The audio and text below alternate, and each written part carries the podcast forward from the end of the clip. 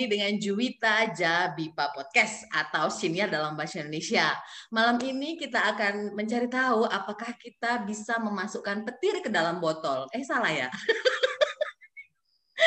Malam ini istimewa sekali karena yang hadir ini adalah teman satu kelas saya. Satu kelas masih sekolah udah segede gini.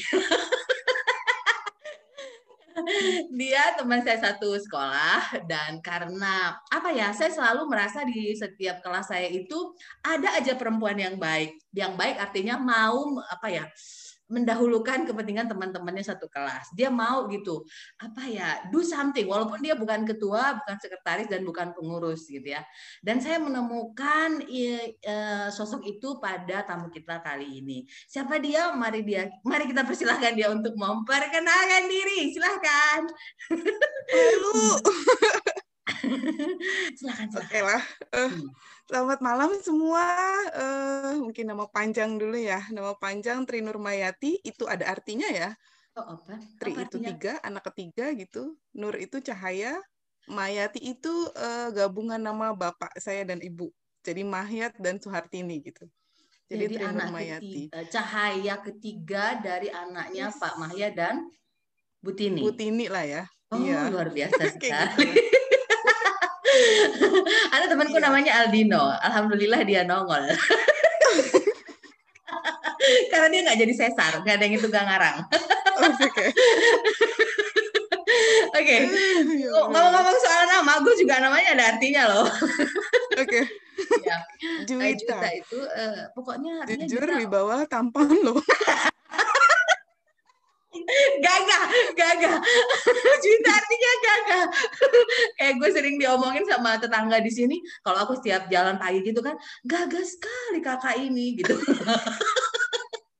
Oke sabar sabar. Oke Juwita itu ya kayak ada di lagu-lagu ya Juwita artinya kekasih kan ya kemudian Elmina itu nama nyokap, Saragi nama keluarga. Jadi kenapa dikasih nama Juwita? Karena uh, satu-satunya, bukan satu-satunya ya, kayaknya waktu ibuku hamil aku itu dia beneran ngidam gitu loh. Yang lainnya yang ngidam itu bokap gua. jadi jadi jadi bokap gue merasa oh akhirnya bini gue jadi perempuan gitu dia bisa juga ngidam gitu. Makanya kasih nama, oh kasih nama Juwita gitu. Baik, apa kabar ini? Covid Covid begini tetap jalan-jalan ya. Aduh, aku nggak diajak. hmm, hmm, hmm. Gimana ya, tadi pertemuan? yang hmm, hmm, gimana? Termasuk versus yang uh, sebenarnya suka di rumah sebenarnya. Aha. Karena hobinya tidur. Oh, gitu. kok sama? Jadi enak dikit, dikit, Tapi sekarang siang. tuh kan WFH WFO gitu ya.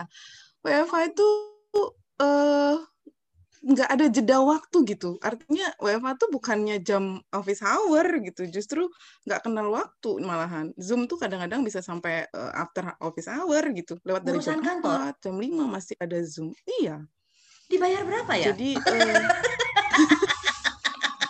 jadi mungkin mindsetnya gini ya mindsetnya tuh uh, karena kalian di rumah jadi kalian gak ke mana-mana mungkin gitu ya mindsetnya jadi uh -huh. boleh dong kerja sampai overtime gitu so, no reward ya no reward ya oke okay. how many days in a week you have to go to office tetap senin sampai jumat tetap ngantor Tapi, senin sampai jumat no no no uh, apa uh, waktu kerja harinya tetap Senin sampai Jumat, uh-huh, tapi uh, setiap satu satu pusat itu punya jadwal WFO dan WFH. Uh-huh. Nah kebetulan kalau di uh, pusat saya tuh bisa satu atau dua kali seminggu. Gitu. Uh-huh. Jadi lima hari hmm. eh tiga hari lagi di rumah. Di rumah betul. Oh. Gitu deh. Um, tetap oh kalau kita sih enggak ya maksudnya tetap jam kantor gitu nggak oh. ada udah udah jam 4 oh gue mau ngapain nih ya? karena karena ada ada apa ya eh, sekali dua minggu ya sekali dua minggu ada semacam apa ya eh, pengumuman baru gitu update terus sekali sebulan hmm. ada training hmm, tentang covid ini jadi yang sekali dua hmm. minggu itu selalu diingatkan kalau ke kantor uh, itu maksimal enam jam gitu. Jadi kan kita harus fit. Jadi kerjanya nggak boleh kerja rodi gitu. Maksudnya nggak bukan kerja rodi ya. Artinya karena karena memang beban kerja juga kan berkurang. Nggak ada workshop, nggak ada pelatihan, nggak ada kunjungan. Jadi berkurang kan gitu jadi nggak boleh lama-lama di kantor gitu cuma banyak juga ini motor kok berisik kedengeran jadi apa namanya uh, uh, uh, di, disarankan nggak boleh lebih dari enam jam itu sih hmm. jadi ya paling paling ada yang kalau knowledge ini ya knowledge meeting itu kan menyesuaikan waktu dengan Amerika. Itu baru uh, acaranya malam gitu kan. Hmm tapi nggak ada yeah. itu nggak nggak obligasi gitu loh. Bisa ikut bisa enggak gitu. Terus bisa lihat cara ulangannya gitu. Oke okay, jadi jadi ini uh, itu semua ASN di pusat kah uh, begitu uh, perlakuannya? Apa sesuai dengan kantornya masing-masing di pusat seperti itu.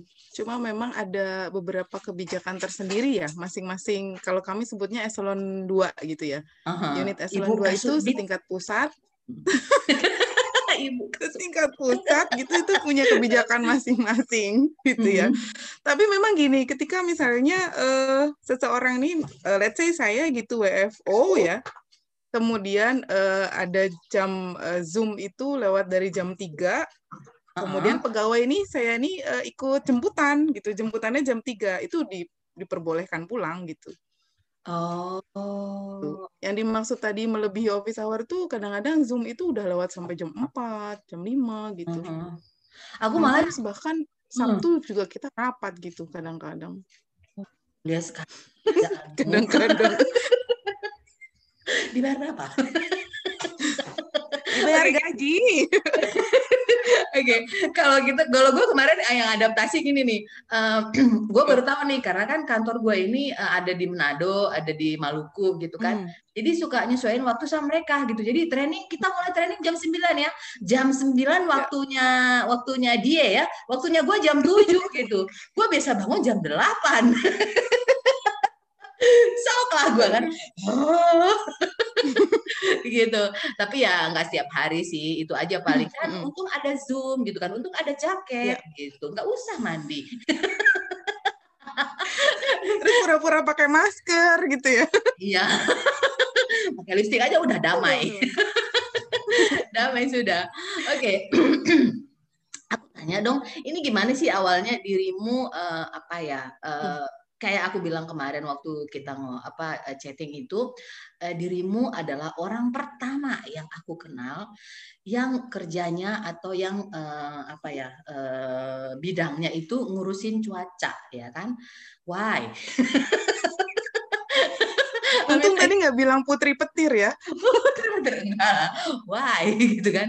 I mean karena uh, ada sejarahnya Bu Jui. Tapi sebentar, uh, dulu sebentar, aku... sebentar. Sebelum oh, okay. kita ngomong sejarah, karena aku sejarahnya lalu merah nilainya. jelek ya sering bolos orang yang cepat dipanggil karena hmm, sejak kapan ya kayaknya setelah mulai kerja gitu ya aku uh, dulu kan berita suka ada perakiraan cuaca hari ini kan suka ada ya gitu kan uh, waktu itu, I mean like awal-awalnya oke okay, gitu kan, oh mereka bisa menentukan uh, mau hujan, mau geledek, mau apa gitu. And then ke sini ke sini itu menurut aku meleset semua gitu, termasuk perakiraan oh, yang di koran. Okay. Menurut aku, menurut aku at that time, yeah, yeah. familiar dengan BMKG gitu kan. Sampai dulu ada pernah sepupu mau kuliah ambil yang itu aja, yang sekolahnya untuk meteorologi gitu-gitu kan. Uh, terus nanti kerja di mana ya gitu. kerja di mana? Terus dia ngapain gitu kan? Nggak jadi gitu loh. Padahal itu jarang peminatnya. Itu kan ada ada apa ada istilah ya pilih jurusan yang peminatnya sedikit biar sedikit. kemungkinan masuk uh, uh, besar, besar gitu kan. prinsip apa itu coba? Sekarang kalau dipikir-pikir prinsip bodoh. ya pilih jurusan iya. yang sepi gitu kan. Oke okay. nah kemudian aku nggak percaya dengan BMK karena banyak yang meleset gitu banyak meleset. Okay. nah, coba sekarang aku pengen tahu nih gimana awalnya atau sejarahnya ya kan? Setelah perang Kadri uh, terus kamu ngapain? Ikut perang di Ponorogo dulu. Ikut perang di Ponorogo yang menang siapa? Jadi entah kenapa ini suatu kesalahan atau suatu keberuntungan ya, tapi uh, saya pikir karena hidup itu pilihan. Iya, Ini dimulai dari zaman SMA dulu, ketika ada promosi kakak kelas itu kan ya, suka ada promosi kakak kelas, ayo ke IPB, ayo ke UI, ayo ke UGM gitu ya, hmm, untuk jalur PMDK. itulah ya. Iya, jalur PMDK gitu bisa kuliah tanpa oh. harus tes, kan. Oh. Kemudian saya ikut nih ceritanya. Ah, berpikir bahwa uh, tren tren angka nilai saya lumayan naik gitu trennya. Standar aja tapi naik, naik gitu. Karena Hmm. Uh, kata bu guru kan dulu yang penting naik uh, apa nilainya naik gitu. Hmm. Kemudian pilihlah jurusan di boleh ya sebut ya di IPB gitu. Hmm, di IPB oh, ini lucu ya, ya namanya. Okay, okay. Iya. Terus saya mikir gini Ih, lucu aku, ya aku jurusannya. pindah ke Bogor ini gara-gara IPB loh. Walaupun okay. banyak di IPB ya. Kalau kakak aku nggak kuliah di IPB, gue nggak ke sini juga. Oke, lanjut. Iya. Terus saya lihat satu jurusan meteorologi gitu saya ah, pikir ini lucu banget namanya gitu kan namanya lucu, namanya lucu ya? kemudian kenapa dia bisa ada di Bogor padahal saya pikir uh, geofisika meteorologi itu adanya di ITB ya oh. saya cobalah itu di posisi nomor satu jurusan nomor satu yang dipilih kedua agribisnis kalau karena tidak salah itu sih. itu karena namanya unik ya bukan karena penggunaannya yes. betul betul namanya lucu dan berpikir bahwa nanti uh, saya kalau kuliah di sana akan belajar bintang-bintang gitu. Ah, Pokoknya antariksa lah gitu. Leo, Pisces gitu. Iya. iya. saya akan belajar bintang-bintang gitu kan, kemudian planet-planet dan sebagainya yang di angkasa. Hmm, oh itu bintang itu, oke. Okay. Hmm. dan loloslah itu. Ternyata lolos gitu, masuk. Pilihan masuk kedua apa waktu itu? Agribisnis. Oh, agribisnisnya nggak nggak nggak nggak nggak lolos? Jadi kalau udah pilihan pertama lolos, dia nggak akan lihat pilihan kedua, ketiga. Oh. Mm -mm. Terus gitu. dalam dalam kuliah sebenarnya nyesel juga kenapa dulu nggak agribisnis dulu gitu kan? Karena memang agak jauh ya jurusan uh, meteorologi dengan agribisnis. Oh, bisnis gitu ya. Uh, mungkin ya supaya uh, kita tahu nih kapan menanam, kapan men menabur gitu ya, lihat cuaca. ya betul nyambung juga sih gitu. Terus perjalanan kuliah ternyata uh, nggak belajar antariksa secara detail kan ya? Kita nggak belajar bintang gitu bukan astronomi karena kan tapi lebih ke cuaca gitu lihat suhu sebagainya gitu dan diimplementasikannya ke agro ke pertanian. Kita oh. bercocok tanam dikasih lahan lima kali lima gitu dan menyesuaikan lima kali lima apa nih? hektar gitu lima kali lima meter meter. Oh meter. Lumayan dong lima kali lima itu kalau suruh nyapu iya lumayan. dua jam baru selesai. Karena kepala tidur ya. ya. Iya, itu perjalanan hidup di kuliahnya gitu. Akhirnya dijalani aja, dijalani. Keluar dari sana sebenarnya uh, ikut-ikut uh, CPNS ke Kementerian Pertanian. Oh, kalian menyesal, kalian menyesal nggak terima saya loh.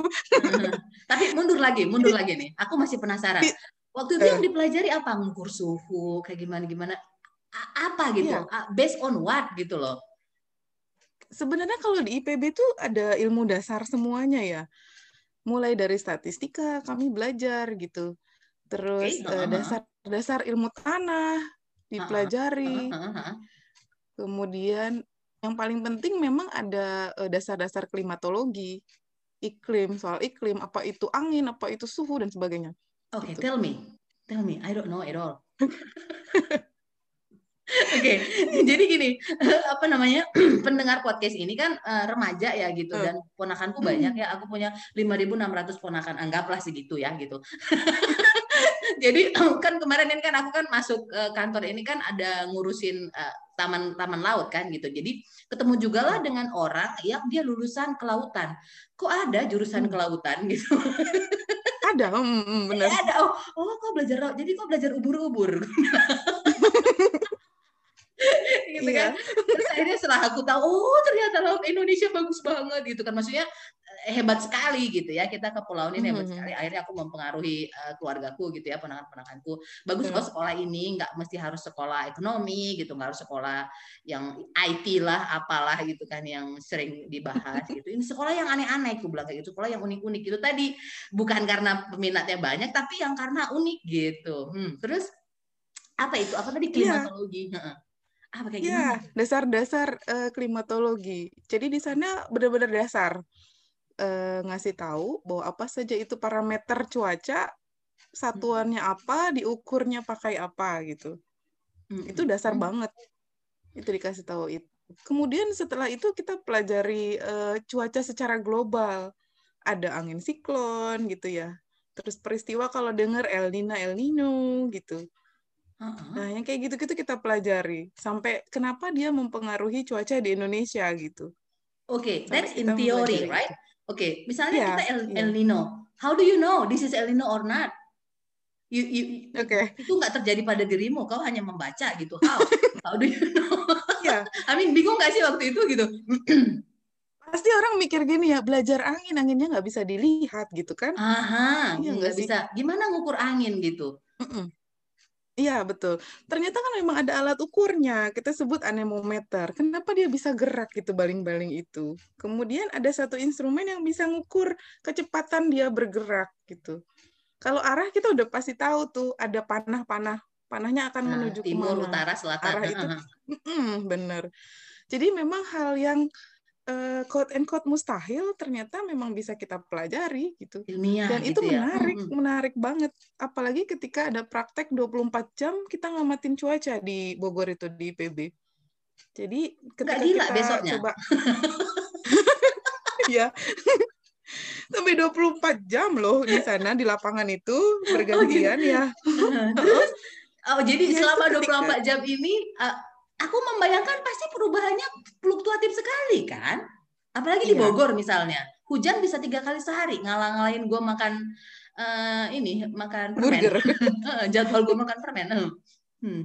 betul. Jadi ketika nilai itu angka-angka yang kita dapat secara statistik kita plot ibaratnya gitu ya itu akan punya satu fluktuasi yang unik gitu. Misalnya kalau angin itu dia akan begini gitu ya jadi semakin tinggi kita ukur dia akan semakin uh, besar gitu. Dan macam-macam lah di sana. Jadi memang uh, apa ya? Tidak terus terlihat di, tapi bisa di, dirasa. Terus, terus dilihat rata-ratanya gitu. Baru iya, betul. bisa mengestimasi gitu ya. Kayak betul. matematika yang apa ya? Probabilitas seperti itu kah kira-kira sederhananya? Ya.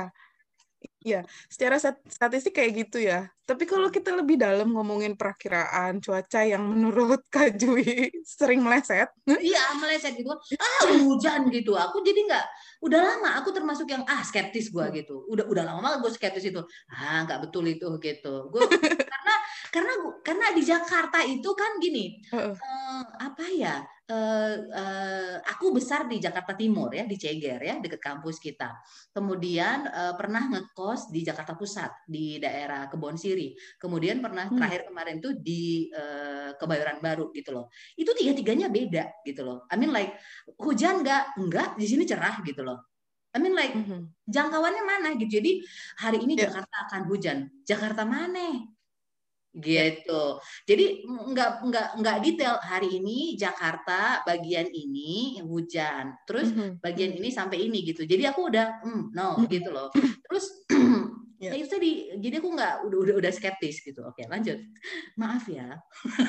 ya mudah-mudahan ketemuan kayak gini jadi bikin ini ya, bikin Tapi makanya aku kan percaya gitu ya karena tidak ada yang memberikan pemahaman yang uh, ini loh jadi oh, okay. itu kan aku udah rangkap nih oh jadi probabilitas kan gitu maksudnya dia dilihat kecenderungannya mm-hmm. gitu hmm, hmm. diambil rata-ratanya gitu kak kira-kira yeah. radian yeah, apalagi betul. radian mm. gitu ya oh. min ya kan matematika itu istilahnya ya terus Kemudian ya, yang jadi ada campur tangan sebenarnya, campur tangan eh, manusia juga ya. Jadi ada sense of forecaster namanya. Uh-huh. Forecaster ini kan memang sering melihat kejadian-kejadian alam ya. Nah dia tuh bisa e, ibaratnya bukan bukan decision maker, tapi dia e, mempertimbangkan hal-hal yang memang pernah dia e, analisis sebelumnya gitu. Based Jadi, on data. Dengan statistik Mm-mm, ada, ada pasti. Dengan statistik seperti ini, keadaan global seperti ini gitu kan, dia akan bisa nentuin tuh. Oh iya, karena bakalan karena ketika uh, lu bilang forecaster, gitu. yang di otak gua kedengaran fortune teller. Enggak Fortuner ya? iya, fortune teller, forecaster. Oh, fortune teller. Oke, terus dia uh, dia harus iya. sudah senior dong ya. Hmm. Iya, iyalah, boleh dibilang gitu ya. Tapi uh, forecaster itu kan bisa didik ibaratnya gitu ya, gitu. Nah sebenarnya gini Kak Jui, uh, dulu memang uh, apa sebaran alat kita tuh kan belum rapat ya. sebaran alat uh, pengamatan ini belum rapat. Saat ini sudah rapat, mulai yang dari manual, kemudian otomatis, itu uh, udah sangat rapat. Sehingga forecast kita itu sudah per kecamatan sekarang. Mungkin dulu dibilang kan tadi DKI Jakarta gitu. DKI Jakartanya bagian mana? Saya di Jakarta Timur kok hujannya di Jakarta Selatan gitu kan. Hmm, hmm, hmm. Sekarang sudah kecamatan kan sampai kecamatan. Jadi kecamatan mana gitu. Oh, nah. Tapi memang masih wilayah Jawa ya kecamatan ini.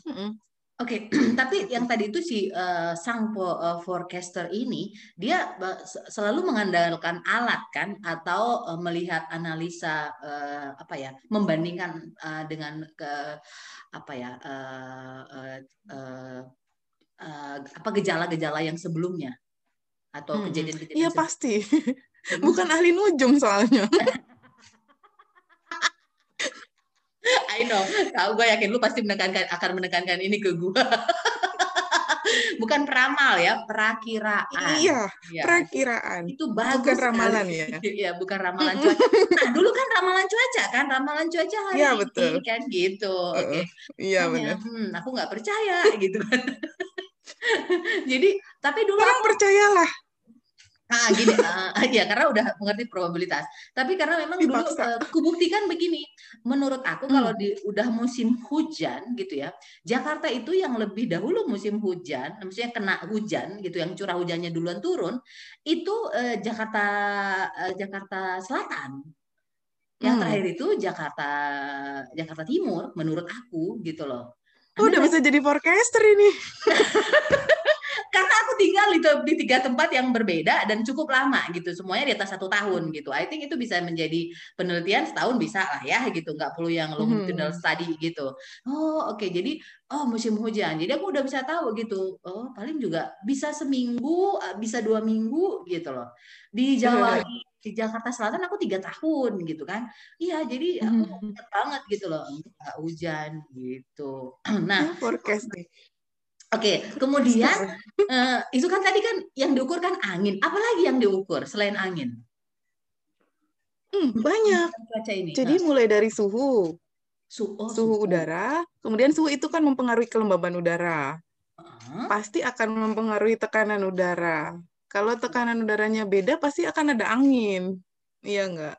Oke. Okay. Ketika uh. ada angin kan udara masa udara akan bergerak tuh di tim dikasih radiasi matahari itu kan dia akan nguap kemudian akan turun hujan banyak okay. jadi semua uh, parameter okay. cuaca tapi yang penting tadi nih yang awam ya buat gua itu uh, hmm. mengukur suhu kemudian mengukur kecepatan suhu, angin tekanan angin tekanan atau hmm. kecepatan sih menyebutnya kecepatan kecepatan dan arah angin kemudian hmm. ada tekanan udara huh? mau apalagi banyak eh. banget udara apa? udara dengan angin beda ya? Gue bodoh. Beda. Angin udara udara uh, O2 maksudnya. Iya ya, iya, kan? iya, iya. sabar ya bu ya. Ini uh, pewawancaranya agak pertanyaan bodoh. sulit loh itu. Nggak gini soalnya tapi Kak Jui, uh, untuk informasi saja ya sebenarnya. Saya itu masuk BMKG uh, nyoba tiga kali Oke, okay, why? Kamu tidak menyerah ya? Okay. Jadi ketiga kalinya baru baru lolos gitu. Oke, okay, yang pertama tahun 2000, apa yang terjadi? Tahun 2015 kalau nggak salah ya. 2015 itu bukaan pertama BMKG untuk umum. Mm-hmm. Kan BMKG ini punya akademi sendiri ya.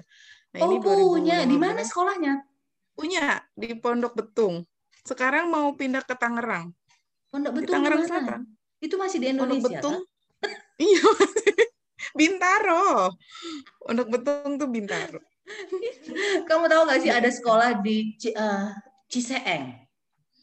Ciseeng tahu Ciseeng. Iya, tapi Ciseeng karena arah Bogor kan ya? Iya, sepupu gue sekolah di situ kan, Ciseeng gitu. Tapi dia nggak bilang dia sekolah di Ciseeng, dia bilang dia sekolah di Swiss, Swisseeng. Swisseeng. Ya, malu gimana? Bukan malu, karena Ciseeng. Oh, it's apa ya? Itu susah ngomongnya gitu kan kalau Swiss gitu kan. Swiss Swisseng. Ciseeng. Oke, okay. apa pondok bapak teluk betung? pondok pondok betung. Pondok betung. Terus oh pondok betung, pondok aren daerah-daerah arah ya betul sana lah ya. Hmm. Terus ada Jadi 2015 ya. dengan semangat tinggi gitu ikut uh, apa uh, seleksi seleksi hmm. PNS ya CPNS ternyata gagal itu shock berat shock berat karena cita-citanya mau jadi pegawai negeri apa karena cita-citanya mau kerja di BMKG ini Iya, lebih ke prinsip aja sih. Kenapa lulusan ini saya masih kerja di bank gitu? Waktu itu kerja oh, di lu bank. pernah kerja di bank menghitung uang? kerja di bank salah satu bank Australia lah ya di Sudirman sana. Uh-huh. e, kartu kredit lebih tepatnya tapi saya di back office sih. Ngurusin reward point gitu ngurusin e, apa e, komplainnya e, yang nggak ada hubungannya dengan cuaca lah ya? Enggak enggak ada. Mungkin hubungannya dengan suasana agribisnisnya juga nggak ada ya agribisnis. Tapi itu lebih terukur kan? Iya iya ukur daripada ya, perakiraannya ini. Ya oke secara gue orang ekonomi oke okay. terus ya, kemudian yang kedua yang 2015 pertama gagal, gagal ya? Uh -uh. kemudian 2016 coba lagi. Coba lagi dengan semangat yang sudah menurun ya. Uh-uh. semangat sudah menurun gagal. Ya udahlah gitu gagal. Sampai satu hari 2018 penerimaan 2018 ini diajak temen. Ayolah ikut aja lah gitu. Terus uh, ya udah ikut-ikutan aja nih nggak ada niat maksudnya nggak kayak semangat pertama gitu ya udah ikut aja gitu sampai nggak tahu kalau pengumuman itu dari list dikasih tahu sama temen eh Utri diterima loh gitu kan di BMKG Oh, ah, yang benar gitu udah nggak percaya, nggak uh, percaya lah diterima. Sampai lihat websitenya, kemudian oh iya diterima. Nah ini diterimanya di Pondok Betung. Saya pikir oh. memang yang ada betung-betung itu kan arah-arah Palembang sana ya, Sumatera dan sebagainya. Eh, pokoknya on banget deh. Karena aku tahu juga di Kemayoran. kayak kayak enggak, mikirnya tuh kayak Belitung gitu loh. Daerah-daerah Sumatera sana. Oh, oke. Okay. Bangka Belitung. Jauh ya. Oh, Dulu tuh mikirnya gitu. Jurang ya. Iya. Jurang. Okay. Dekat Swiss Seeng juga, Swiss Seeng. Akhirnya, ayo kita tukeran, kata temen gitu kan. Eh, tukeran. Hmm. Pondok Betung tuh deket rumah gue, kata temen-temen Utri tuh gitu. Wah, oh, di Tangerang ya? Iya, di Tangerang. Barulah lihat peta gitu. Oh, di daerah Tangerang Selatan gitu. Nah, itulah kejadiannya tiga kali berturut-turut uh, yang ketiga baru lolos BMKG. Sedih banget. Oh, enggak seneng dong. Akhirnya your dream come true after three times ya kan? I mean like ya iya, okay lah. Tapi kan Karena, pada saat semangatnya nggak terlalu tinggi ya. ya itulah pada kan saat kita, semangatnya tuh udah mm, biasa kan kayak gitu ya kalau kita lagi pengen banget itu kayaknya susah gitu tapi kayak kira kita ya udahlah sebodoh teing gitu ya eh gue bisa ngomong Sunda sekarang gitu ya apa udah udah ya ya oke okay, terima enggak ya udah gitu itu malah diterima kan gitu tapi uh, apa namanya ujiannya waktu jadi gini aku mundur lagi ya 2015 itu baru pembukaan untuk umum ya untuk yang lulusan dari kampus mana hmm. aja gitu. Oh, oke. Okay. Kemudian hmm. 2018 baru berhasil. Ya nggak lama lah itu. nah, tapi ini ujiannya mirip-mirip nggak sih? Apa makin tahun makin susah? Apa jangan-jangan yang ketiga lu yang bikin soal? Enggak sih, mirip. Gak mungkin. kayaknya sih mirip-mirip ya. Lupa-lupa inget sih, tapi kayaknya mirip-mirip deh. Mirip-mirip aja. Uh... Makanya aduh sedih banget waktu yang pertama itu. Karena uh, apa kok teman-temanku bisa masuk gitu dulu. Padahal bodoh-bodoh. Enggak juga sih jadi mulai berpikir bahwa ya sudah begini iya kan iya jadi prestasi mungkin prestasi prestasi di sekolah gitu ya hmm. networking dan sebagainya sepertinya eh, kalah dengan keberuntungan waktu itu ya berpikirnya gitu Hmm, iya kan kita suka gitu kan. Jadi ada temen gue nih waktu SD ya, dia tuh ngomong aja jarang, hmm. lagu uh, mengheningkan cipta aja nggak bisa gitu. Jadi guru STM ngajarin teknik, teknik apa dalam mati gue? kok bisa teknik bernyanyi dia kan dulu pindahan ke sekolah kita karena tinggal kelas gue bilang kok bisa jadi guru kan kalau masih kecil kan yang jelek aja yang diingat gitu kan makanya ini kok dia bisa menang ya bodoh-bodoh padahal hmm. oke oke nah terus setelah kerja di BMKG ini uh, ini kah I mean like hmm, penasaran kah gitu sementara sebenarnya ilmunya kan udah cukup lama ya dipelajari maksudnya dipelajari nggak tidak hmm. diimplementasikan maksudku. Hmm, benar. Jadi pertama kali penempatan itu justru di UPT ya, unit pelaksana teknis, bukan di pusat. Jadi Pondok hmm. Betung itu ada stasiun BMKG di daerah lah gitu ibaratnya. Hmm, nah ini justru ngurusin klimatologi. Jadi saya pikir wah ini tepat nih dulu ngomongin klimat kan kuliah sekarang harus implementasi di sini sampai akhirnya tuh happy banget ketika eh, ada pengamatan fenologi fenologi tuh ngamatin tanaman ya hitung daunnya jumlahnya berapa gitu kemudian saya lihat sama suhunya waktu dia punya daun banyak itu berapa dan sebagainya gitu happy oh, banget pohon daun banget. apa po pohon lontar lagi jangan-jangan kan kecil-kecil itu waktu gitu. itu waktu itu justru di stasiun tuh hanya ada pohon mangga kalau nggak salah. Oh mangga sih gampang kan daunnya nggak gitu banyak tapi kalau disuruh daun pohon lontar kecil-kecil gitu kan gimana? Bisa milih nggak pohon toge aja, jadi biar cepat gitu. Nggak ada daunnya, Bu. Iya. Toge itu. Hmm. Dan beruntungnya itu memang dapat kepala stasiun, kita sebutnya stasiun ya, stasiun klimatologi Jurusan gitu. mana stasiun? Jadi BMKG tuh punya, iya, oh, BMKG oh, itu ada BMKG stasiun mana? Oh, oke, okay. nice. Now hmm. I know. Hmm. Ya, jadi kadang kita memang nyebutnya stasiun atau UPT gitu ya disebutnya ada stasiun klimatologi, stasiun unit, meteorologi. Unit UPT unit pelaksana teknis. Oh, unit pelaksana teknis. Oke. Okay. Mm -hmm. hmm. Jadi ada stasiun klimatologi, stasiun meteorologi, stasiun geofisika, ada stasiun geofisika uh, Medan gitu. Uh -huh. Stasiun klimatologi Pondok Betung atau Tangerang Selatan gitu.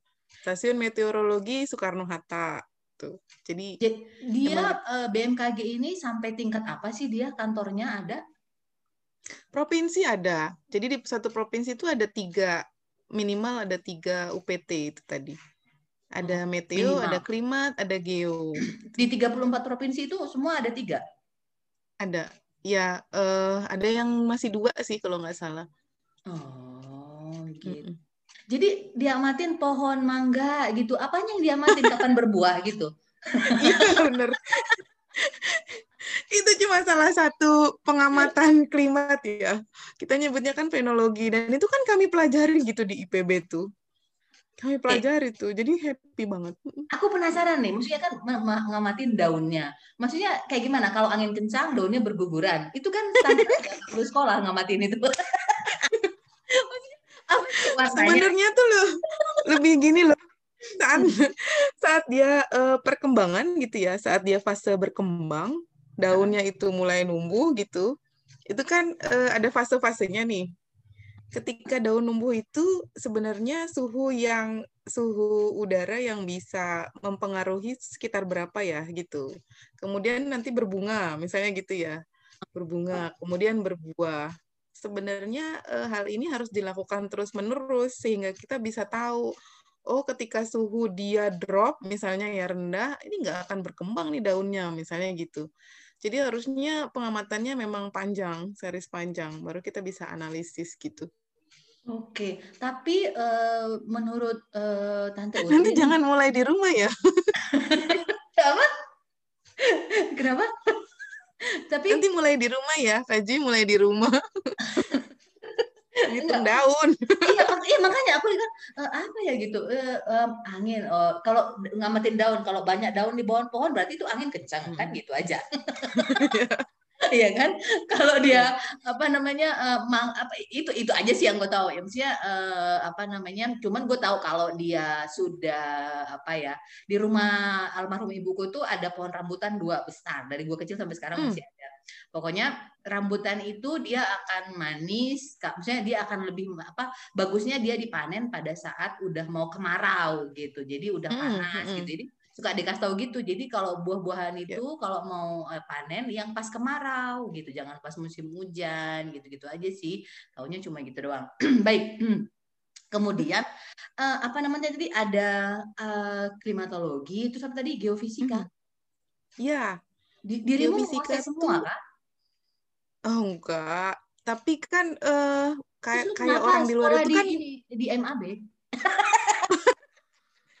itu nanti ceritanya ya. gua akan tanya ini selalu yang sama teman kuliah lu ngapain? bener bener bener. Pertanyaan bagus tuh susah jawabnya. Hmm. Jadi kalau geofisika itu uh, lebih ngurusin seperti gempa, tanda waktu, gravitasi hmm. gitu. Hmm. Oke, okay, ya, ya. Saya sendiri uh, sebenarnya belum menguasai semua. Tapi kan kalau orang luar nggak pernah mau tahu ya.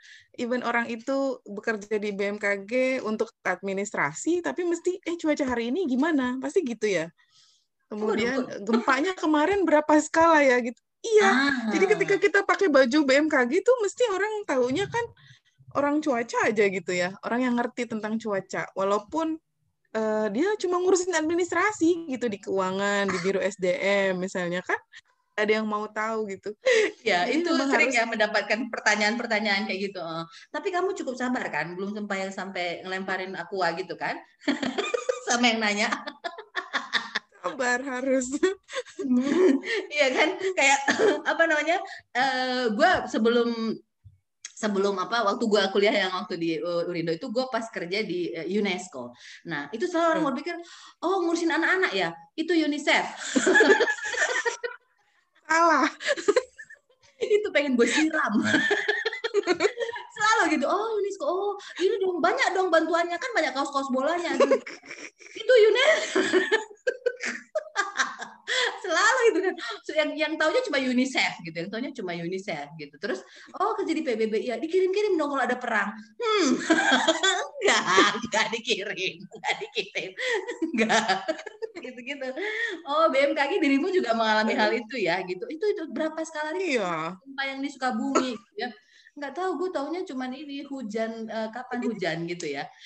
Tapi ini nggak sih berubah berubah nggak sih setiap tahunnya gitu? Atau uh, tetap ada rumus tapi kan apa ya uh, ngomongin soal iklim gini aku jadi hmm. teringat dengan apa ya perubahan iklim climate change. Itu kan isunya uh, seru ya gitu. Di Indonesia juga itu membahas hmm. sampai sekarang masih berlanjut. Maksudnya karena banyak donornya ya kan ini enggak sih yeah. apa namanya uh, uh, apa dan anehnya gitu ya anehnya uh, aku hmm. pernah bantu-bantu di proyek yang untuk uh, konsentrasinya perubahan iklim gitu nggak pernah ngajak BMKG gitu loh oh. iya iya gitu itu tadi mungkin yeah, yeah. mereka juga sekelompok orang yang mirip kayak aku gitu yang skeptis gitu ya nggak usah kita aja memperkirakan gitu kan nah itu ini yeah. sih uh, um, apa namanya ke sana nggak juga nggak sih ngurusin yang ngurusin ke perubahan iklim itu bagian mana? Iya. Klimatologi mm -hmm, atau ada. geofisika atau apa? Di di klimatologi. Oh. Jadi BMKG itu punya empat deputi ya. Deputinya bidang meteorologi yang pertama, kemudian bidang klimatologi, bidang geofisika, kemudian ada bidang instrumentasi, jaringan komunikasi. Mm -mm. Oke, okay. ada empat. Tadi, yang pertama tadi itu apa ya? Deputi bidang meteorologi. Dia skupnya kan kalau meteo kan cuaca saat itu. Jadi perakiraan cuaca tuh yang ngurusin deputi bidang meteorologi. Oh. Gitu. Oke, klimatologi, iklim Kemudian, gitu ya. Ah, kalau iklim kan jangka panjang. Perubahan iklim tuh termasuk di eh, klimatologi. Jangka panjang kan? Dia Oke, yang proyeknya banyak mana? Yang proyeknya banyak. Proyek yang banyak semuanya banyak proyek. Proyek kebencanaan. Soalnya soalnya waktu gue di UNESCO itu kan uh, ada salah satu unit mereka unit uh, disaster ya unit disaster itu selalu hmm. ke kemayoran itu gitu loh oh ini bagian apa nih itu uh, semua proyeknya banyak ya. Oke baik, keren banget ini. Nah terus ini um, apa namanya selama pandemi ini um, apa yang hmm. berbeda di kantor yang dibahas tentang iklim-iklim ini? Iklim-iklim ini ya BMKG inilah secara keseluruhan. Karena tadi kan ada empat dirjen ya. Empat deputi. Nggak ada yang deputi. beda. Kami tetap harus bisa monitor itu semua. Walaupun WFA dan WFU ada jadwalnya. Oh, tetap harus kalau uh, ada jaringan yang memang bisa diaksesnya hanya jaringan intranet gitu ya, jaringannya BMKG, kami kan hmm. diberikan hmm. akses pakai VPN gitu untuk bisa hmm. masuk ke jaringan BMKG. Tetap nggak ada yang berubah. Semua ada 24 jam bekerjanya. Terutama hmm. yang tadi ya deputi meteo dan geofisika terutama. Tapi Dia ada shift-shiftannya 24 jam. Ini di bawah kementerian apa ya? Gak ada non non kementerian kan? Kementerian di bawah langsung presiden. Bertanggung jawab langsung dengan presiden. Ya, lembaga non departemen non kementerian. Dari dulu juga begitu kah atau gimana? Enggak, waktu itu di uh, masuk di perhubungan. Oh iya, nyambung ya karena kan uh, cuaca buruk nih, jadi jangan naik pesawat. ya. Iya, iya benar. Mungkin oh. gitu ya dulu ya. Sejak kapan lepas dari Departemen Perhubungan? 2000 berapa ya? Kok jadi lupa saya tuh. Sembilan mungkin ya. Tersalah oh, lagi saya. Lama, udah cukup lama juga. Tuh, udah, udah, udah lama, sudah. Oh, oke. Okay. Ada berapa kantor BMKG di Indonesia ini kalau boleh tahu? Kalau rata-rata berarti 34 kali tiga ya. Oh, sedikit ya. Gitu. Kalau saya hitung Indonesia. dengan ada ada balai besar ya, ada balai besar jadi itu sekitar eh, 190-an dengan kantor balai besar ya. Oke, um, Tante Utri udah pernah ke Nias belum? Kalau ke Nias belum. Belum ya, gitu. Yang terdekat mana yang udah ya? yang terdekat dari Nias, uh, kantor BMKG-nya di mana? Di Medan? Uh, seingat saya di Nias ada. Oh di Nias ada ya? hmm, karena aku membayangkan ada. Uh, luasnya Indonesia ini dan uniknya uh, cuaca di Indonesia ini, menurut aku itu sedikit ya kantor BMKG-nya ya, gitu. Ya. Masih sangat kurang berarti ya? Iya. Iya ya. Tapi kan semua di cover juga dengan peralatan otomatis ya, yang tidak perlu ada orangnya. Ada oh. peralatan otomatis yang kita pasang gitu. Oke, tadi kan sekarang oh, apa namanya uh, perakiraannya itu sudah sampai ke level kecamatan. Sudah hmm. sampai ke level kecamatan seluruh Indonesia kah sudah menerapkan itu Loh. atau untuk kota-kota besar? Kota-kota besar, terutama nah. yang di di Jawa ya, masih uh, masih Jawa dan kota-kota besar aja. Nah, itu dia karena kan aku pernah ke Nias gitu ya ada orang bilang kan hmm. Nias itu aneh katanya gitu kan aneh pokoknya cuaca di Nias itu aneh katanya and it's true gitu loh I prove it gitu hmm. oh iya jadi tiba-tiba hujan deras tiba-tiba panas terik tiba-tiba hujan lagi tiba-tiba mendung gitu itu terjadi dalam satu hari gitu loh Hmm. Tapi hmm. apa namanya itu bisa diprediksi kah atau gimana gitu. Aku pikir menarik juga sih ya sebenarnya itu work of art sebenarnya ya.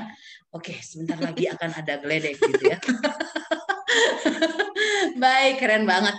Kira-kira nih, hmm, um, apa Tante Utri punya nggak sih uh, apa ya uh, informasi ke orang anak-anak muda karena pendengar podcast hmm. ini kan banyak remaja ya gitu uh, ya. yang perlu mereka tahu tentang BMKG ini gitu loh selain perakiraan cuaca. Kalau uh, sesuatu Dari yang bisa dikatakan Ibu Kasubit udah nggak ada Kasubit. Oh, udah oh, jadi apa ada. sekarang? Sekarang deputi. Sekarang sekarang namanya subkoordinator. Oh, kan udah nggak ada esolonisasi. Oh, sejak kapan itu? Sejak Tante Utri masuk atau sejak gimana ini? Enggak, ini itu kan sebenarnya yang kemarin diinfokan programnya 100 hari Pak Jokowi waktu itu. Oh iya ya, nggak ada lagi yang itu ya, yang eselon eselon 4 di di iya, lebur ya, kayak gitu ya. Empat oh. dan tiga, iya. Oh, okay. Jadi diganti namanya subkoordinator. Nah, jadi sebenarnya uh, kalau ngomongin BMKG, saya saya sih berharap ada anak-anak muda yang bisa meneruskan ini gitu. Jadi eh, nggak perlu takut. Biasanya orang tuh ngedenger meteorologi justru takut gitu. Nanti uh, ngomonginnya fisika, ngomonginnya matematik gitu kan ya. Karena itu pelajarannya susah kan gitu. Hmm. Aku iya, setiap aku tapi... kenal orang jurusan apa SMA-nya fisika, aku langsung naksir. Pasti pintar gitu. Jurusan apa kuliahnya? Kimia. Uh, aku langsung naksir gitu. Tapi kalau dibilang jurusannya fisipol, hukum, ah biasa, gue bisa lihat di YouTube. Stereotype gitu ya? dulu dulu dulu. Sekarang sih masih. Oke, eh, terus terus. Iya, jadi berharap sebenarnya banyak anak muda yang tertarik gitu untuk bisa terjun ke dunia ini gitu ya, quote and quote. Jadi uh, jangan sampai takut gitu. Berharapnya nanti ba akan banyak generasi muda yang juga uh, ngambil jurusan meteorologi atau ikut kuliah di akademi kami gitu justru. Baik, hmm. tapi uh, kalau kita uh, apa ya uh, ada istilah cross cutting ataupun uh, relatednya ke apa nih gitu. Jadi misalnya badan meteorologi ini kira-kira diperlukan oleh siapa sih gitu. Misalnya ya hmm. orang perhubungan pasti perlu kan gitu untuk tahu cuaca hmm. gitu kan. Hmm. Siapa lagi sih yang kira-kira butuh uh, apa namanya uh, hasil pemikiran orang-orang BMKG ini? Hmm. Yang butuh secara langsung gitu loh. Iya, iya ya. Mungkin kalau secara langsung uh, kita nggak bi belum bisa sama dengan Jepang ya. Kalau Jepang tuh kan ketika ada rilis akan hujan, mereka pasti akan prepare payung gitu, pasti itu ya. Kayak beberapa beberapa ini juga saya pernah ke sana gitu ketika ada uh, perakhiran hujan pasti dipastikan orang harus bawa payung walaupun laki-laki gitu. Kalau di sini mungkin uh, laki-laki bawa payung dianggap aib gitu ya. Iya benar malu dan sebagainya gitu kan. Dan mungkin kayak tadi Kak Jui bilang bahwa dulu perakiraannya meleset terus gitu ya. Jadi udah bawa payung terus meleset gitu kan. Hmm. Hmm. Tapi uh, saya optimis sih saat-saat sekarang ini uh, teknologi semakin canggih gitu ya. Kemudian data pengamatan kita semakin bagus. Jadi perakiraan pun akan semakin baik gitu. Uh, kalau yang direct impact-nya ke orang tuh ketika misalnya memang kita mau mengadakan satu event di mana gitu kan perakiraannya mm -hmm. seperti apa gitu. Mm -hmm. Kemudian kalau kita mau jalan-jalan ke Ragunan aja gitu ya. Kami mm -hmm. kan sudah punya cuaca perakiraan cuaca tempat wisata gitu. Sebenarnya mm -hmm. itu. Dan itu langsung nggak langsung itu langsung bisa dinikmati oleh masyarakat ya. Tapi kalau yeah. Lembaga ke lembaga, jadi kayak misalnya hmm. uh, mungkin uh, ini kali ya uh, petani gitu ya, petani hmm. jangan nanam dulu nih gitu. Kenapa? Karena masih ada sale, jadi belanja aja dulu. Salah. iya diskonan ya. iya banyak dampak yang tidak langsung sebenarnya. Mm -hmm. uh, apa kalau di pertanian itu kan kami memang kerjasama dengan Kementan mereka punya uh, apa pola tanam ya, jadwal tanam itu.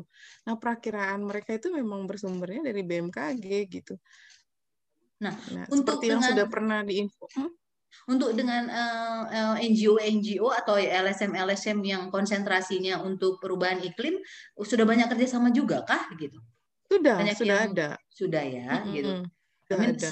Selain itu ada nggak sih lembaga apa lagi kira-kira yang bisa kita harus uh, apa ya ada ini nggak kayak semacam advokasi atau apa? Kalau lu mau bikin ini harus ada approval dari BMKG gitu kan. Kayak misalnya kayak apa ya istilahnya kayak uh, kalau kita amdal amdal. Kalau kita mau bangun apa amdalnya harus ini kan gitu. Kalau ini harus ada uh, dari BMKG ada nggak sih arah situ gitu apa? Ini pertanyaannya terlalu serius ya biar kita ganti aja enggak. Mungkin ini ya, Pak Biar kelihatan aku uh, cerdas aja sih. enggak, pertanyaannya bagus itu.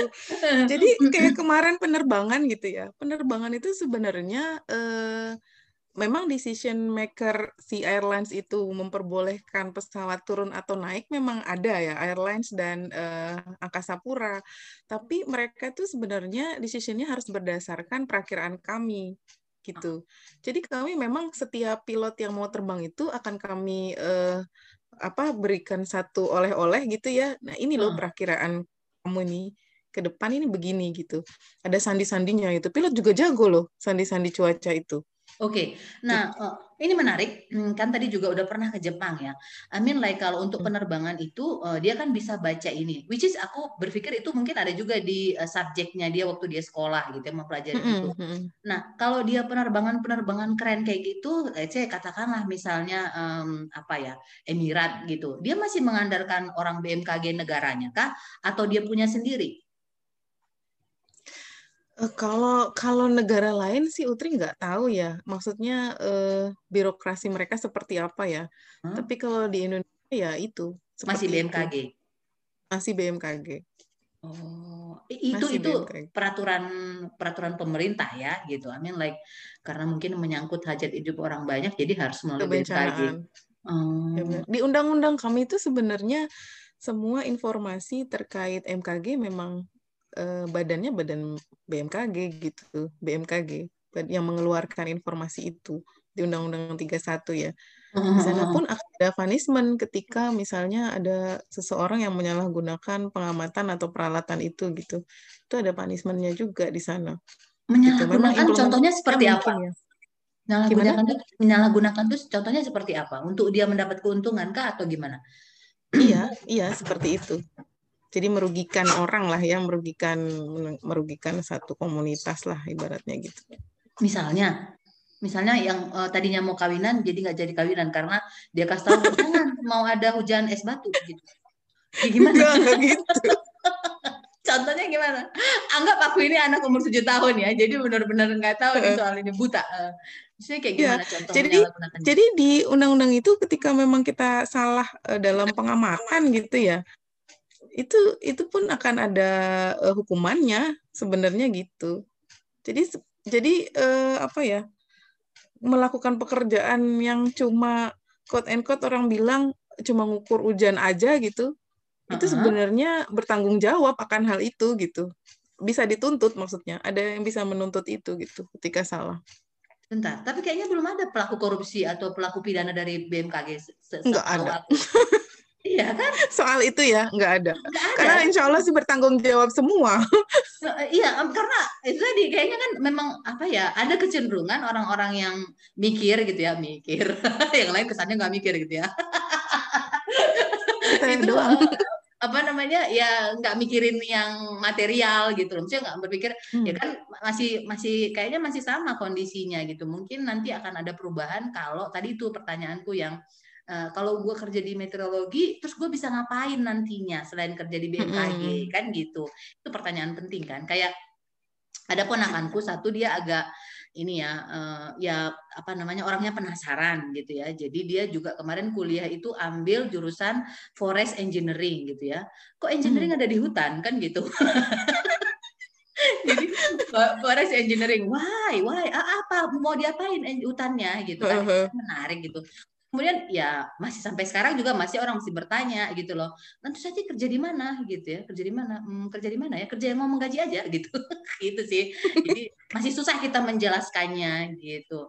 Tapi ini menarik ternyata ya jadi, disiplin ilmu disiplin ilmu meteo mungkin bisa masuk ke BPPT ya. Di sana juga kan ada eh, modifikasi cuaca.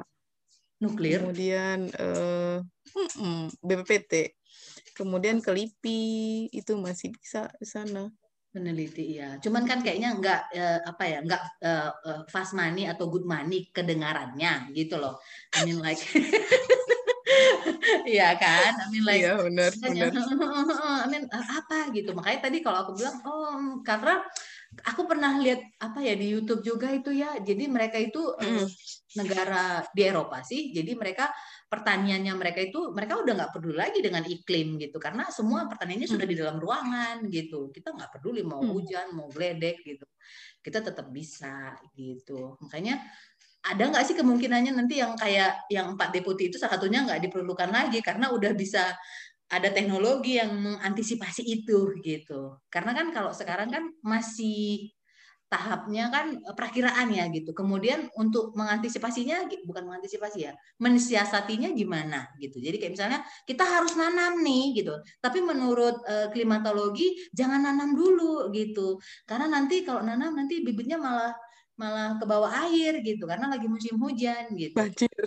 Ah, itu gimana? Udah ada cara mensiasatinya kah atau memang saat ini bagian dari BMKG cuman ya ini memberikan per, uh, perakiraannya itu aja dulu atau gimana?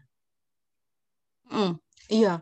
Jadi memang ada batasan uh, tusi ya, tugas pokok ya, tugas pokok dan fungsi masing-masing lembaga itu yang membatasi uh, membatasi apa satu lingkup kegiatan kita gitu. Artinya kita kasih informasi tapi decision maker tetap uh, ketusi lembaga lain gitu ya.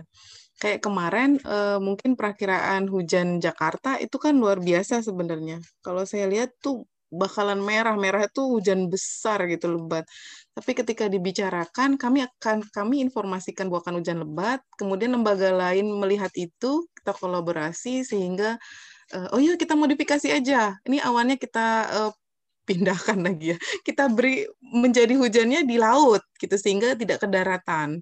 Nah, yang seperti itu itu kolaborasi yang bagus sebenarnya ketika informasi kami dipakai dipakai uh, di lembaga lain gitu. Jadi memang decision maker-nya ada di tusi lain. I, I don't get it. Maksudnya gimana? Hujannya kita pindahkan ke awan yang dekat laut. Maksudnya gimana tuh? Iya, ini memang salah satu uh, tugas fungsinya TMC ya, teknologi modifikasi cuaca. Jadi ketika kami merilis bahwa dalam hari ini ini ini akan terjadi hujan besar, kalau enggak akan terjadi banjir di Jakarta, sebenarnya kemarin harusnya banjir Jakarta itu. Karena gubernurnya. Kemudian gue dendam banget ya. Karena hujannya apa karena Bukan karena presidennya ya. Bukan dong. Oh, bukan ya. Bukan dong. Presidennya udah bekerja kok gitu. Bukan ya.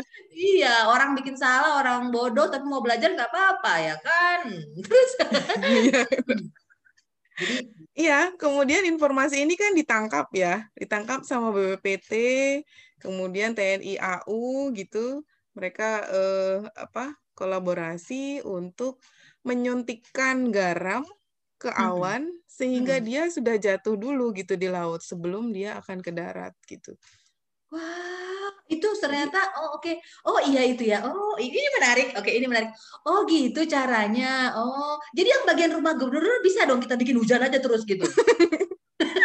hujan buatan. Nah ini yang akan dituntut ketika kan, menyalahgunakan kan, itu. Karena gubernurnya, jadi dia nggak jadi banjir karena gubernurnya karena apa kan gitu. Dia banjir bener kan gitu. I mean like somehow it's true. Oke, okay.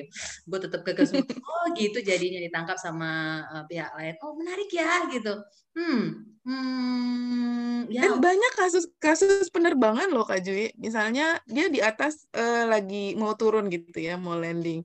Tapi kami kasih warning bahwa nanti dulu gitu, visibility itu apa jarak pandangnya ini jarak pandang. nggak bisa kamu turun ke bawah gitu. Makanya si pesawat itu muter aja dulu gitu.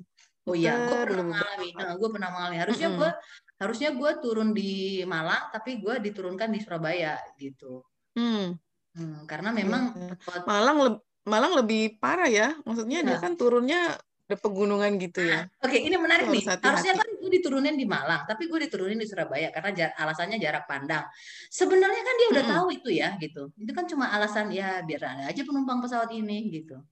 Bener nggak sih? Eh, enggak gitu. Skeptis lagi.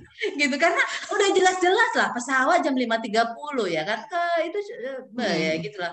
Dan itu ya itu sebenarnya kan udah bisa diprediksi ya gitu. Uh, agak sulit ketika memang uh, ada bukit ya. Artinya di sana ada bayangan hujan gitu. Daerah bayangan hujan. Oh. Jadi uh, kalau pesawat mau landing atau take off itu memang kan kita lihat cuaca saat itu ya cuaca uh, saat itu. Uh, uh, uh. Kalau prediksi itu hanya per perakiraan uh, ketika perjalanan si pesawat ini ke sana, kemudian uh, di sana nanti sekitar satu jam sampai itu akan seperti apa gitu doang ya. Tapi tetap ketika landing dan take off kan seperti tadi ya perakiraan itu kan nggak 100% true gitu, nggak 100% benar ya. Artinya pada saat dia mau landing pun akan ada informasi itu gitu. Okay. Tadi kan uh, berulang-ulang disebutkan ya, nah, perakiraan itu kan nggak nggak selalu 100%. Ya sebenarnya apa pun nggak ada yang 100% kan gitu. Uh, toleransinya itu paling tinggi berapa persen sih? Toleransi melesetnya? oh, perakiraan itu 80% aja udah bagus. 80% sempurna kali.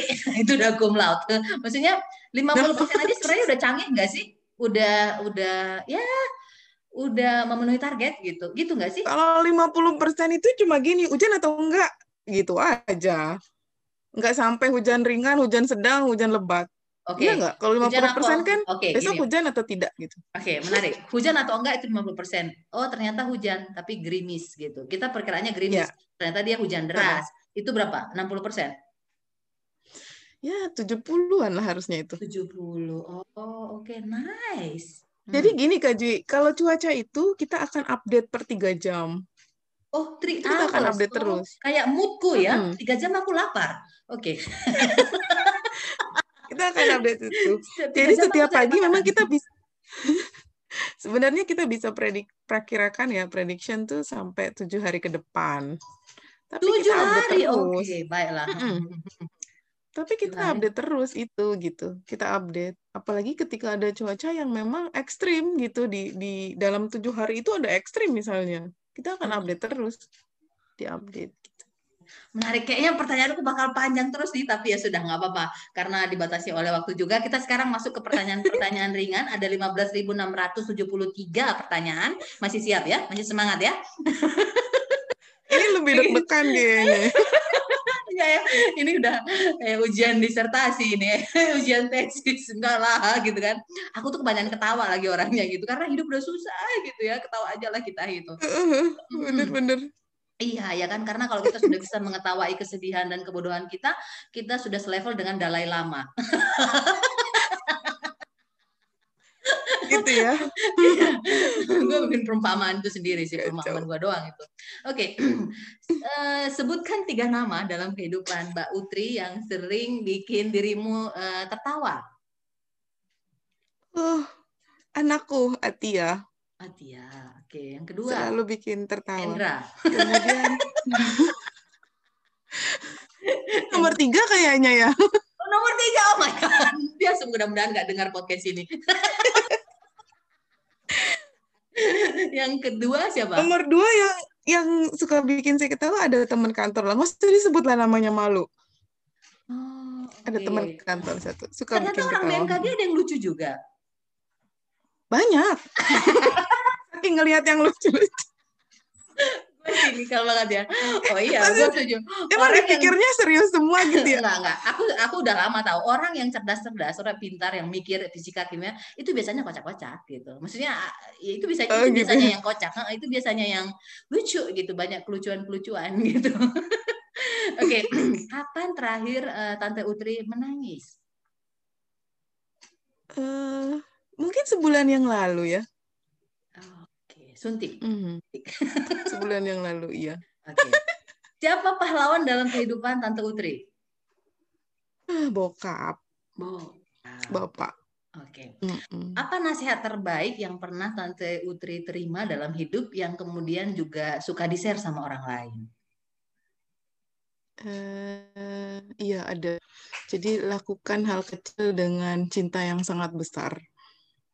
Oh, oke. Gitu. Ada yang kasih tahu itu. Jadi lakukan hal kecil dengan cinta yang sangat besar.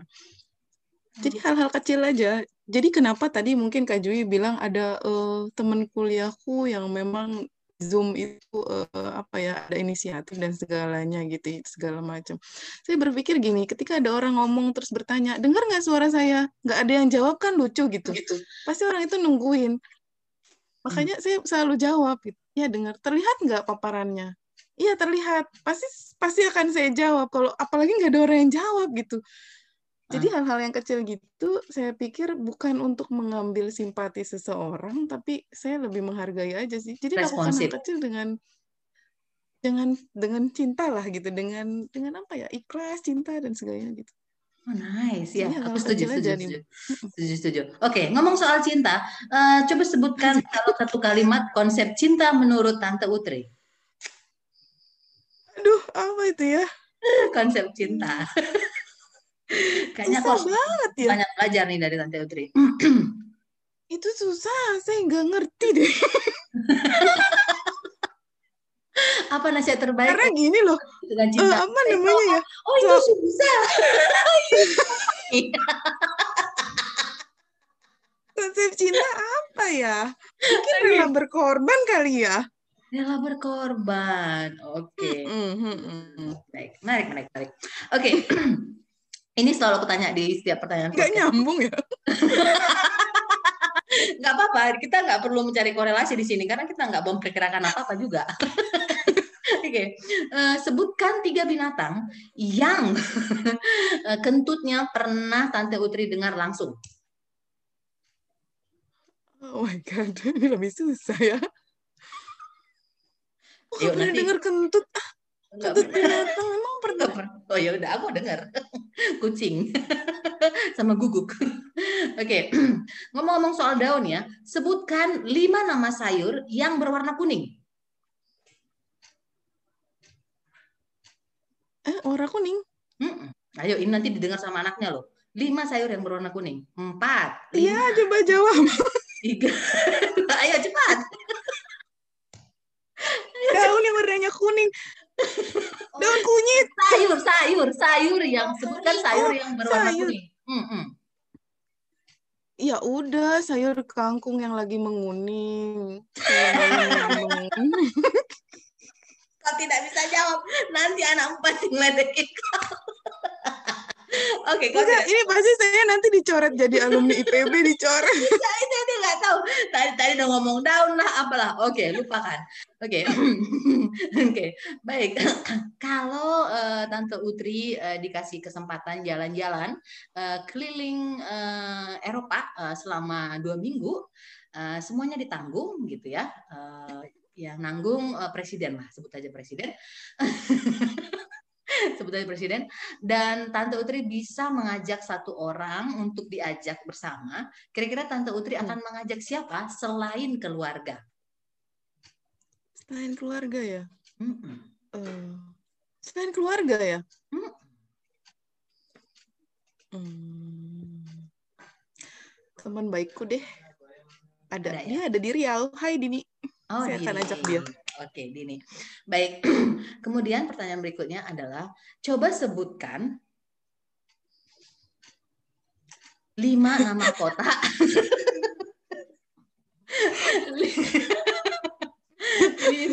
lima, nama kota di Indonesia yang curah hujannya eh, tinggi di antara yang lain selain Bogor. Oke. Okay. Curah hujan tinggi ya, ada di uh, selain Bogor ya. Jakarta termasuk yang tinggi. Really? Kemudian, iya, Jakarta termasuk yang tinggi. Kemudian Tangerang juga termasuk yang tinggi.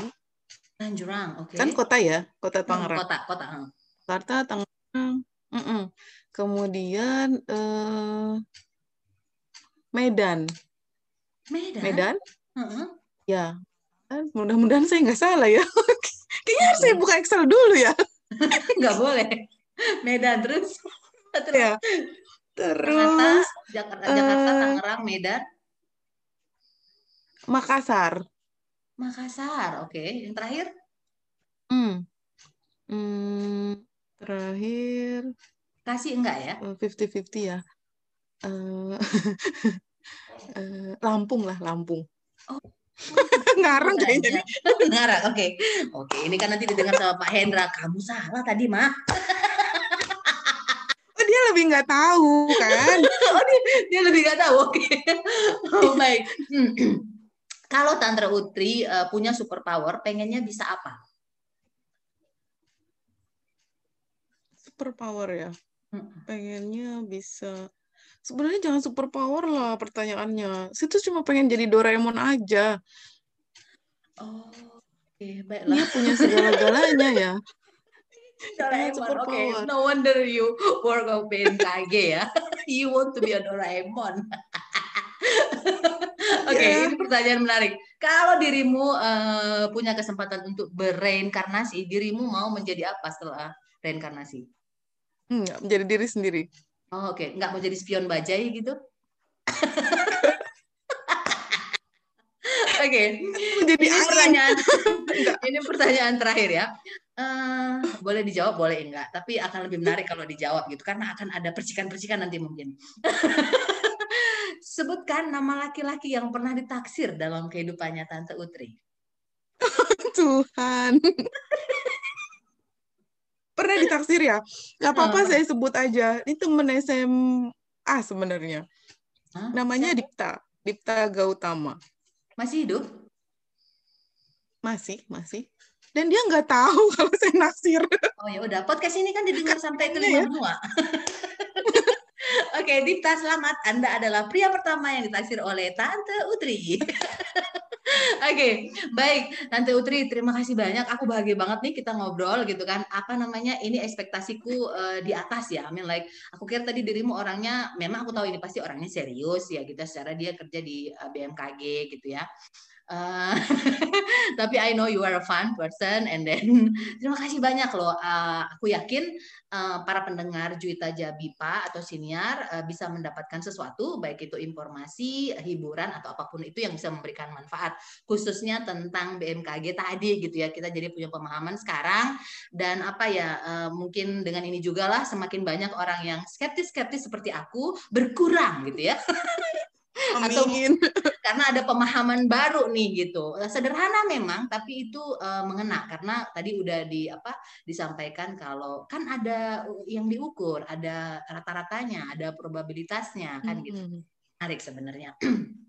Terima kasih banyak, sehat-sehat. Uh, ini libur ya kita tiga minggu ya. Mau ke mana ya, nih betul. acara liburannya? Nggak ada kerja aja. Kerja ya, iya sih. Kalau ada waktu mainlah ke Bogor sekalian apa uh, lihat kampus itu nanti kita bisa janjian lah ya. Kalau ke Bogor sih aku berani gitu. Amin like boleh lah kalau ke Bogor gitu. Oke. Okay. Terima kasih banyak ya. Salam sama Pak Indra sama siapa tadi nama anaknya? Tia. Tia. Uh, jadi biar dia tahu mamanya nggak tahu nama-nama sayur. Oke, terima kasih banyak. Sampai ketemu. Dah. Terima kasih banyak, Kak Ji.